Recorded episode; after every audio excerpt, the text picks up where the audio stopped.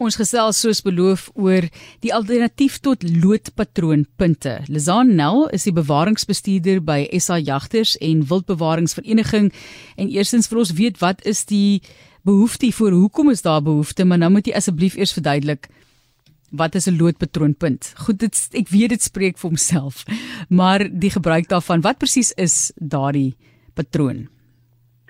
Goeiemiddag Marlies en goeiemiddag uh aan die luisteraars. Nou, die rede hoekom daar besorgdheid is oor lood en loodammunisie is dit is in die verlede is dit um in verskeie produkte gebruik. Mense sal weet byvoorbeeld erf brandstof wielbalansering en tot tandevulsels is afhanklik um um lood tandevulsels is gebruik. Maar soos in die navorsing ontwikkel het, het ons nou uitgevind dat lood eintlik giftig is vir mense. Dit het 'n impak op die kliniese ehm um, voorkoms van mense, weet gedrag, uh gehoorverlies, swak prestasie, senuwee, hart en nierfunksie. En dit is al kinders wat baie sensitief is vir lood en selfs in lae bloedloodvlakke beïnvloed dit hulle beenvorming en breinfunksie en kan ook lei tot goed soos aandagafleibaarheid. Nou vir hierdie redes is daar lankreeds wetgewing in plek gestel om mense se blootstelling aan lood te verlaag, byvoorbeeld in brandstof en verwe. Maar die nuwe navorsing het gewys dat lood eintlik ook giftig is vir wildlewe.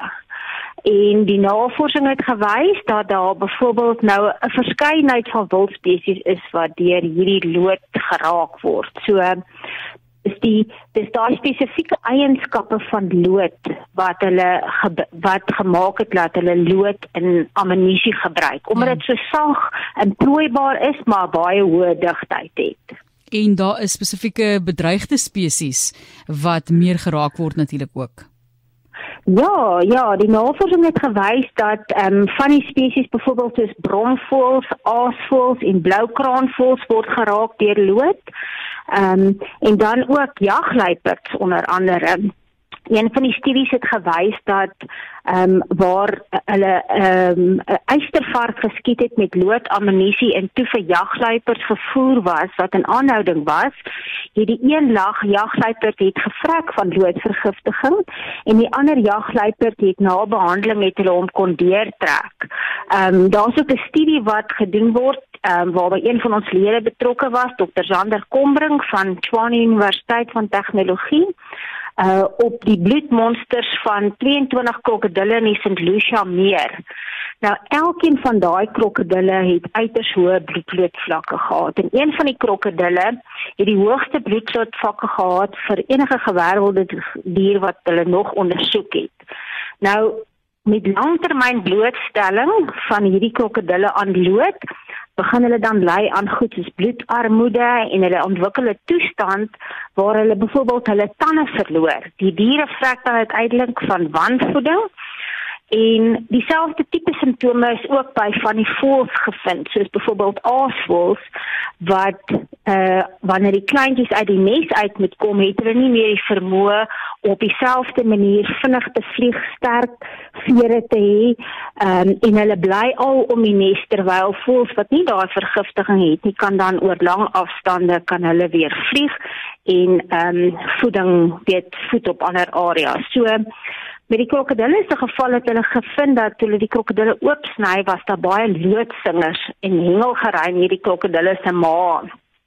Want hulle vreet lood soos wat hulle hulle mens noem dit eintlik maagstene klippies wat hulle vreet om te help met hulle verteringsstelsels en dikwels in, in St Lucia spesifiek as daar hengelaars is het hulle ook waargeneem dat die krokodille gaan en hulle hap dan die aas van die visstokke en die vislyne van die vissers af en op daai manier het hulle hierdie baie hoë lood ingekry. Ja.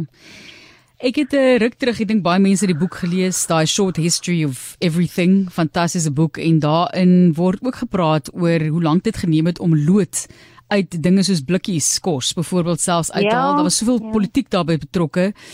En ja, ek gaan nou nie oor die beweringe wat gemaak word in die boek eers praat nie, maar dit is eintlik verskriklik as jy dink hoe, hoe moeilik dit is om 'n proses soos hierdie om te keer. En jy het nou gepraat van die blootstelling aan lood en wat met hierdie arme diere gebeur. Kom ons praat net gevinnig oor hoe jy dit gaan omkeer. Hoe maak 'n mens om dit uit te faseer? Dit is nie altyd so maklik om 'n ding te verander nie. Een van die groot menslike bewegings wat ek altyd dink suksesvol was, was om die ozonlaag te beredder. Byvoorbeeld om jy weet haarsproei en so aan en al daai dinge te verander in die middels wat gebruik word om dit te vervaardig. Hoe maak 'n mens hiermee? Ja, so wat lief daar een van die maniere wat hulle hier aan aandag gee is byvoorbeeld wetgewing soos met byvoorbeeld petrol en verf. Maar wat die wildlewe aanbetref, is daar gevind dat daar's um, in Europa en Amerika is daar gekyk waar hulle byvoorbeeld met mense wat met loodammunisie skiet, ehm um, gewerk het en in een van die areas het hulle 'n wetlike verbod ingestel en een van die ander areas het hulle met mense gesels, hulle ingelig, hulle inligting gegee sodat hulle liewer vrywillig die keuse maak. En die resultate was eintlik dat as mense verstaan wat die risiko's is, as hulle die insig het en daar is alternatiewe wat bekostigbaar is, dis beskikbaar en dit werk vir die doel wat die mense dit voorgebruik dan dan is baie van hulle gewillig om daai daai skuif te maak. Maar in die geval van loodammunisie, weet dit is iets wat oor so 'n lang tyd gekom het en waar mense, ek wil amper sê dis deel van die kultuur amper van as jy jag, weet jy vat loodammunisie. Maar daar is nou byvoorbeeld vir jaggewere is daar ander alternatiewe alreeds beskikbaar veral vir die mense wat ammunisie self herlaai Ehm um, daar's baie alternatiewe punte beskikbaar, maar vir die persone wat nie self ammunisie herlaai nie, is daar alternatiewe beskikbaar. Die die jammerte is dat baie van hierdie alternatiewe is ingevoerde alternatiewe, want daar's nie een plaaslike ammunisievervaardiger wat loodvrye ammunisie vervaardig. So dis iets waarmee ons met die regering moet gesels, dat ons moet kyk daarna dat daar al meer ehm um, plaaslike alternatiewe vir vir mense beskikbaar is om te gebruik. Maar ons glo dat die beste manier is om mense toe te lig. Hulle moet verstaan wat die risiko's is want ek en jy weet dat net om wetgewing te hê en te sê jy moet 120 km op die teerpad ry, beteken nie noodwendig dat mense die wetgewing nakom nie. Dit is hier op RSG waar ons gesels oor 'n alternatief tot loodpatroonpunte en ons het Felizaan Nel, bewaringsbestuurder by SA Jagters en Wildbewaringsvereniging saam met ons op die lyn. Goed, jy het nou al reeds 'n bietjie daaraan geraak, maar dit brei net uit hoe maak ons nou? So die persoon wat nou by die huis is en wat dalk nog met baie van hierdie voorraad sit, wat kan 'n mens doen? Want alles kos geld, so help ons asseblief ook daarmee. So ja, ehm um, soos ek sê die risiko van lood kom van verskeie bronne af en dit is daar's dis verskillende tipe of groepe luisteraars wat 'n impak kan hê. Die eerste is om jouself toe te rus met die feite en om te weet wat is die risiko's en en hoe jy dit kan bestuur en daarvoor kan hulle na SA Jagter se webwerf toe gaan. Het redelik inligting daaroor. En dan die mense wat jag, wat loodammunisie gebruik wanneer hulle jag vir vleis, Ehm um, daar's baie absorpsie van hierdie loodpartikels as 'n mens veral ehm um, suurwyn gebruik of asyn wat tipies is van die gebruik as 'n mens met wildvleis werk. Dit verhoog die absorpsie vir lood, so dit is 'n risiko. So die beste opsie is om nie loodammunisie te gebruik nie. As jy wel loodammunisie gebruik, dan moet 'n mens maar ten minste 20 cm van die wondkanaal af oopsny en um, om jou jou risiko's te verminder maar ons het die navorsing het vir ons gewys dat selfs as jy al doen jy dit is daar baie klein partikels van die lood wat eintlik nog steeds in die wildvleis sit.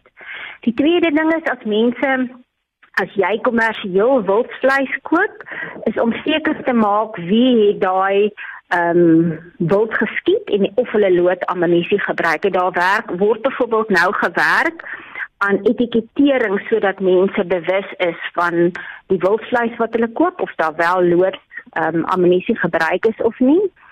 En dan vir mense wat en dit is nou vir boere en vir mense wat met wildbestuur betrokke is, jagters, enige iemand wat loodammunisie daar buite gebruik, is dat as jy loodammunisie gebruik, dit moet daar geen reste van die dier wat geskiet is in die veld agtergelaat word nie, want dit vergiftig aasdiere en aasvoëls so al daai reste moet verwyder word uit die veld uit en mense moet asseblief nie daai karkasse beskikbaar maak op aasvol restaurante vir aasvoels nie want ons vergiftig hulle net in daai geval.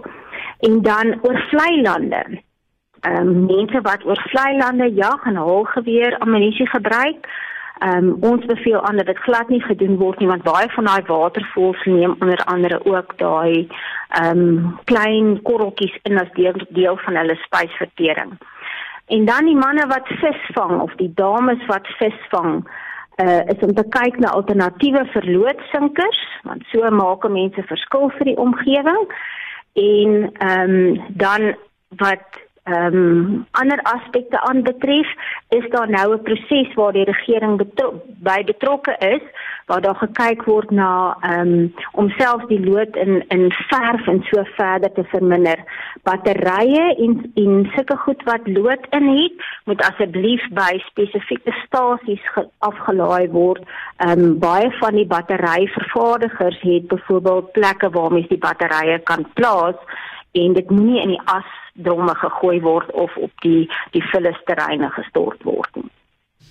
Baie om te doen en ons sê vir julle baie dankie wat dit vir ons belig. Jy kan vir hulle kontak by conservation by sahunt.co.za. Ek herhaal dis conservation by sahunt.co.za www.co.za. Baie dankie aan Lizan Nel van die SA Jagters en Wildbewaringsvereniging oor die alternatief en die belang met die vervanging van loodpatroonpunte en soos dit sy gesê het ook met visvang moet mense daarop fokus. Dis giftig vir die natuur ook vir ons.